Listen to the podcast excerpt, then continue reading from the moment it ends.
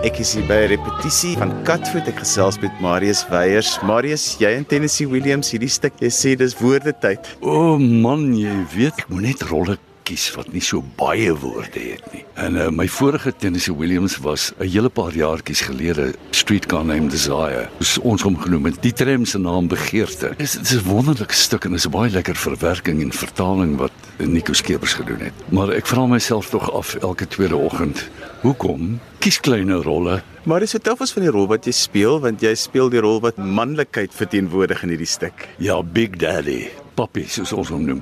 Papi het slegte nuus gehad so 2-3 jaar gelede. Daar was 'n vermoede hy het kanker. En as die stuk begin het hy nou goeie nuus gekry dat dis nie kanker nie, hy het 'n spastiese kolon. En maar papi is nou nie 'n maklike mens nie. Uh ons het hom verplaas uh as 'n boer in Limpopo. Hy's 'n bietjie van 'n grove skut. Hy praat grof. Hy is veral teenoor sy vrou wat nou daar skree in die in die, in die agtergrond. Hy haat haar stem, hy haat haar lyf. En dit gaan oor sy verhoudings met sy hele familie en die, die onderlinge verhoudings van hulle ook en dis 'n baie komplekse ding en wat die aand nou gebeur en hoe dit hom uitspeel wanneer is Poppy se 65ste verjaarsdag.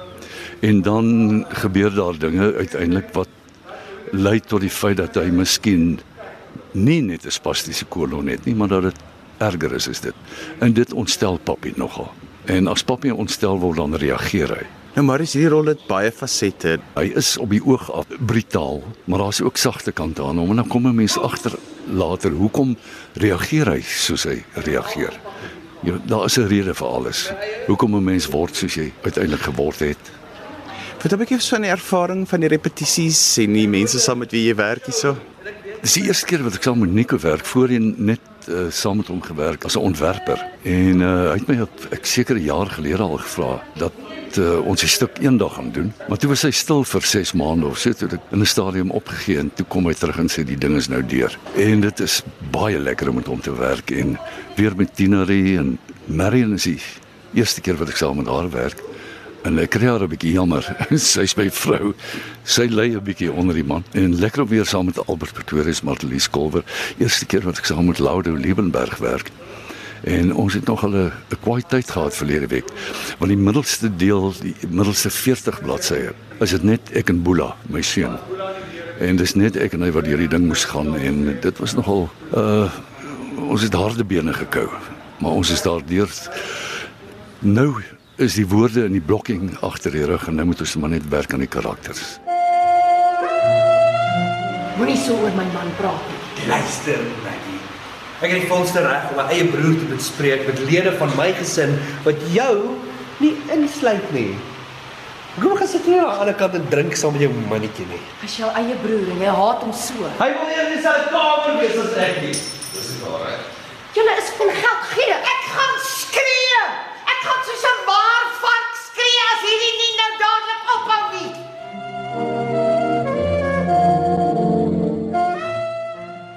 gesels met Nico Skeepers, hy het die teks vertaal, hy's ook die regisseur. Nico, vertel 'n bietjie vir ons hoekom het jy spesifiek belang gestel om hierdie teks in Afrikaans te doen? Ek het baie lank gelede die filmweergawe gesien met Elizabeth Taylor en Paul Newman en net onmiddellik besef hoe gemaklik dit sit op 'n Afrikaanse stoel. En meeste mense gaan eers vir Class Menagerie of Streetcar Named Desire as jy Tennessee Williams se werke kyk, maar daar's net iets aan hierdie stuk aan die feit dat die temas gaan oor 'n geliegery en alles toes meer en soos die Afrikaners sê bo blink onder stink is letterlik die tema van die toneel. En wat my die meeste verbaas het in die vertaling is hoe gemaklik jy die 1950s plantasiehuis in Amerika kan verplaas na moderne bosveld mense waar ek vandaan kom en dis wat my so ongelooflik opgewonde maak oor die stuk. Die titel van die stuk, Daar's verskriklik baie weergawe gewees. Kyk natuurlik Cat on a Tenerife van Afrikaans is ons eintlik katvoet oor die kole, maar uh, ons was bang dan dink die mense dis 'n klug. Want dit klink grapperig. Katvoet is net skerp. Uh, dit verwys nie net na hoe om mense rondom mekaar trippel en dans in terme van leuns en die waarheid nie, maar dit verwys ook na Maggie die kat, een van die hoofkarakters en haar trippel om haar voete te vind in hierdie gesin.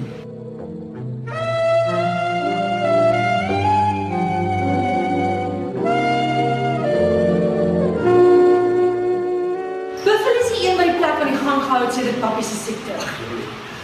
Ja, hy sal dit nie self sê nie, maar hy het sy hande stoppies gewerk. En waar was Boela? Hy kan 'n rugby speel soos 'n skoolkind. Of 32. Moenie so oor my man praat nie. Luister my nie. Ek het volgens reg om my eie broer met lede van my gesin te bespreek wat jou nie insluit nie. Oef. Hoekom gaan sit jy aan die ander kant en syp saam met jou mannetjie nie? Hy's jou broer en jy haat hom so. Hy wil nie in dieselfde kamer wees as ek nie.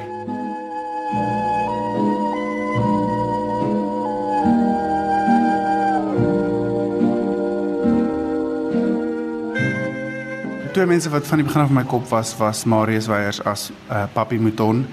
Dit voel asof die karakter vir hom geskryf is. Daar's 'n 'n sekere bombastiese kwaliteit aan die man en 'n woede in hom. Daar was 'n vreeslike debat laas jaar oor wat is die stem van die wit Afrikaner man in teater en hierdie it just meets it head on en haal al die handskoene af en dit raak lelik. Die ander karakter natuurlik was Tinari van Wyk loods as Maggie want ek het die teks begin vertaal al so 2 jaar terug toe ons gewerk het aan Hemelruim en daar was net in my kop geen ander Maggie nie. Een van die lekker temas is juis dit spreek tot manlikheid en eintlik die gebroke kant van manlikheid. Hoe het jy dit in die vertaling uitgebring? Het jy gebly by die oorspronklike manier hoe Tennessee Williams dit uitgebeeld het of het jy dit so 'n bietjie vir Suid-Afrikaans? Ehm um, dit is verskriklik vir Suid-Afrikaans, maar ek dink in daai manier is dit net nog meer verlig en uitgebring en want dit is presies dieselfde goed waarmee mans in Amerika in die 50er jare gesukkel het. Wat is manlikheid? Wat is 'n man? Wat is die doel van die lewe? Hoe ontsnap jy die geliegery en hoe lewe jy saam met die leuns en die voorgee van die gemeenskap rondom jou as 'n man? is iets waarmee mense vandag nog net al hoe meer dit smelt so saam met die Afrikaner identiteit wat in 'n kamstige krisis is. Um met mense wat kulturele diewering om hulle self sit, nie net om hulle huise nie. Bou so mooi in in hierdie tema van wat is 'n man? Wat is 'n Afrikaner man? En wat is manlikheid in hierdie konteks? Dit is nogal vir my ironies dat jy repeteer in 'n konsistorie van 'n kerk. Ek dink dit is fantasties dat ons in 'n NG Kerk repeteer en daar's foto's van wit Afrikaner mans al die mure vol wat jare en jare en jare lank presies met die temas gesit het waarmee ons in die toneelstuk sit. Ek dink dis dis wonderlik. Nou luister julle almal mooi my. Bevel bære daai gemors voor ek dit uit jou hand uitgryp en opskeer. Die bekende aktrise en komediant Marion Holmes speel die ma in hierdie stuk. Weet jy al die jare nog is staan ek verstom oor twee kante van die Afrikaner. Die kant wat by die huis is, wat vloek en skel en te kere gaan en so, en dan as hulle in 'n teater gaan sit, is hulle so geskok. Daardie vrou het die K-woord gebruik en ek bedoel nie die ene wat rassisties is nie, die ander ene of wat ook al en dan wil hulle uitloop en so Maar is jy regtig blind vir wat jy in jou eie lewe doen? En daarmee bedoel ek nie dat alle mense vloek by die huis nie. Daar's nie een mens wat sonder sonde is nie, bedoel ek. So by jou eie huis is daar ook groot balke en nie verstaan jy hy splinters en anders oor die. Nou hierdie toneelstuk is my absoluut dit. Dit wys dit dat eintlik dit is hoe dit by die huis gaan. Dis hoe wreed mense met mekaar kan wees. En in Suid-Afrika waar die geweld teen vrouens en kinders so hoog is. Hierdie is nie fisies nie, maar die geweld teen vroue en hoe mans optree en dit nie agterkom nie. Die toneelstuk is fantasties. Hoekom is dit vir my nog fantasties? Ni- Nico, is die eerste keer dat ek saam met hom werk wat wonderlik is. Die kind is ongelooflik slim. Uh multi talentvol. Bedoelende hy het terselfdertyd die klankbaan in sy kop. Hy hoor dit, hy um, weet uh, wat waar gaan die ligte nou wees en terselfdertyd hoe gaan daai kostuum nou beweeg en so. Dis asof hy besig is om 'n simfonieorkes te dirigeer. Dit is 'n wonderlike geleentheid om saam te werk. En dan natuurlik vir my wat die hele tyd alleen op die verhoog staan om nou saam met ander mense regtig toneel te speel. Jy weet as jy in jou eerste jaar kom en sê dat acting is reacting. Nou as jy alleen op 'n verhoog is in 'n een vir 'n vertoning, you only have the audience to react from, but not a fellow actor wat jy net mee saam So hierdie is my. Ek is soos 'n kindjie wat 80 jaar laas Kersfees gehad het en nou sit ek elke dag met Kersfees. Dit is so lekker. Fantasties. Jy jy's in hierdie stuk met Marius Weyers getroud. Ja, toe Nico my gebel het oor die rol. Was daar so 'n lang stilte gewees. En dit is dood eenvoudig oor is besig om myself te knyp. Dit is reg. En ek probeer vreeslik ashes like oor dit ek nou saam met Marius en Tinerie en Albert en so werk, maar eintlik die binnekant my gaan ek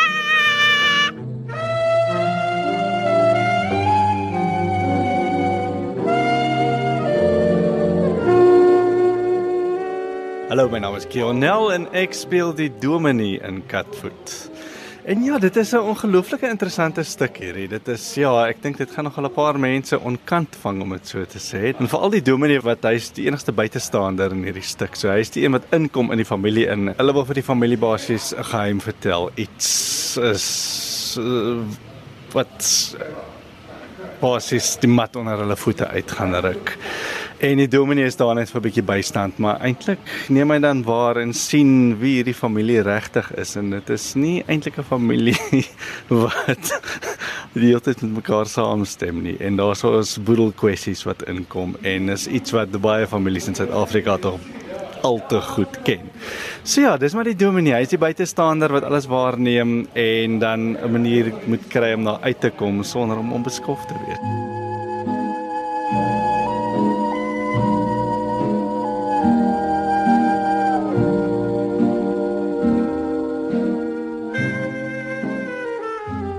Ek gesels met Albert Pretorius. Albert, ek sien jy stap nog rond met jou teks. Ja, dit is maar week 2. Al die ander akteurs is baie beter as ek. Hulle is al words down, maar ek nou nie. Maar ja. Albert, vertel vir ons van hierdie stuk wat hoe ervaar jy dit? Ja, dit is vreeslik lekker. Dit is 'n ongelooflike groep mense en ek wil sê van daai klassieke tekste, mens kry min die geleentheid om altyd hulle te doen. Uh en dit is net so lekker aaklige karakter. Sy naam is Buffel. So uh, ja, ek gaan vol buffel.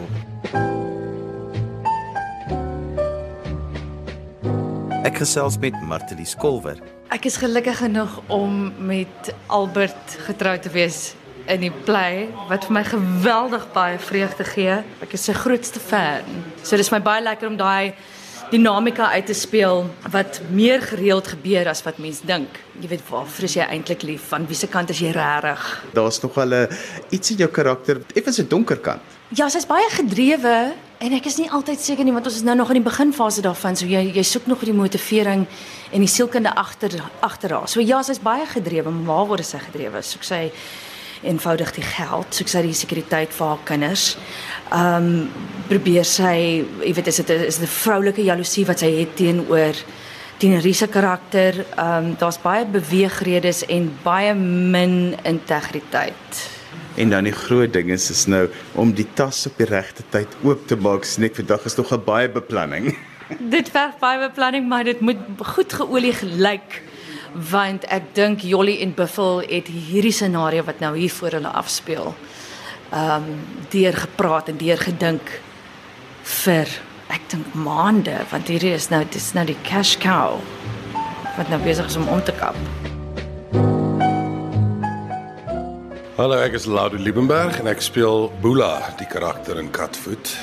Sjoe, die ervaring sover is ongelooflik. Ons het nog baie werk om te doen, maar dis die eerste keer in 10 jaar wat ek weer teater aanpak, so dit is tog al 'n groot ja, 'n groot berg om te klim, maar dis ongelooflike mense om mee saam te werk. So ek leer al die pad en ek nog nooit saam met Nico Skeepers gewerk nie en hy's 'n ongelooflike regisseur met 'n baie mooi visie en 'n 'n ongelooflike kop vir stories vertel en en ja, ek geniet dit so ver en ek um, ja, ek sien baie uit om deel te wees van die produksie. Interessant as 'n mens na 10 jaar weer terugkom.